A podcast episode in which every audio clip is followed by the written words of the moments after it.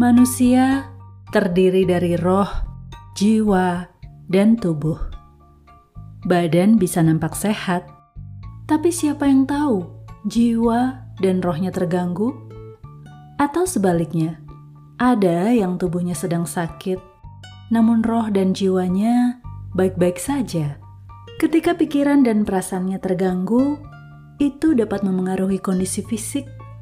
Dan yang malang itu adalah saat ketiga aspek seseorang sedang tidak baik-baik saja. Tak hanya jiwa, tapi roh dan fisiknya pun juga terganggu. Di situlah puncak terburuk keadaan manusia. Ia membutuhkan pertolongan. Ia membutuhkan Tuhan.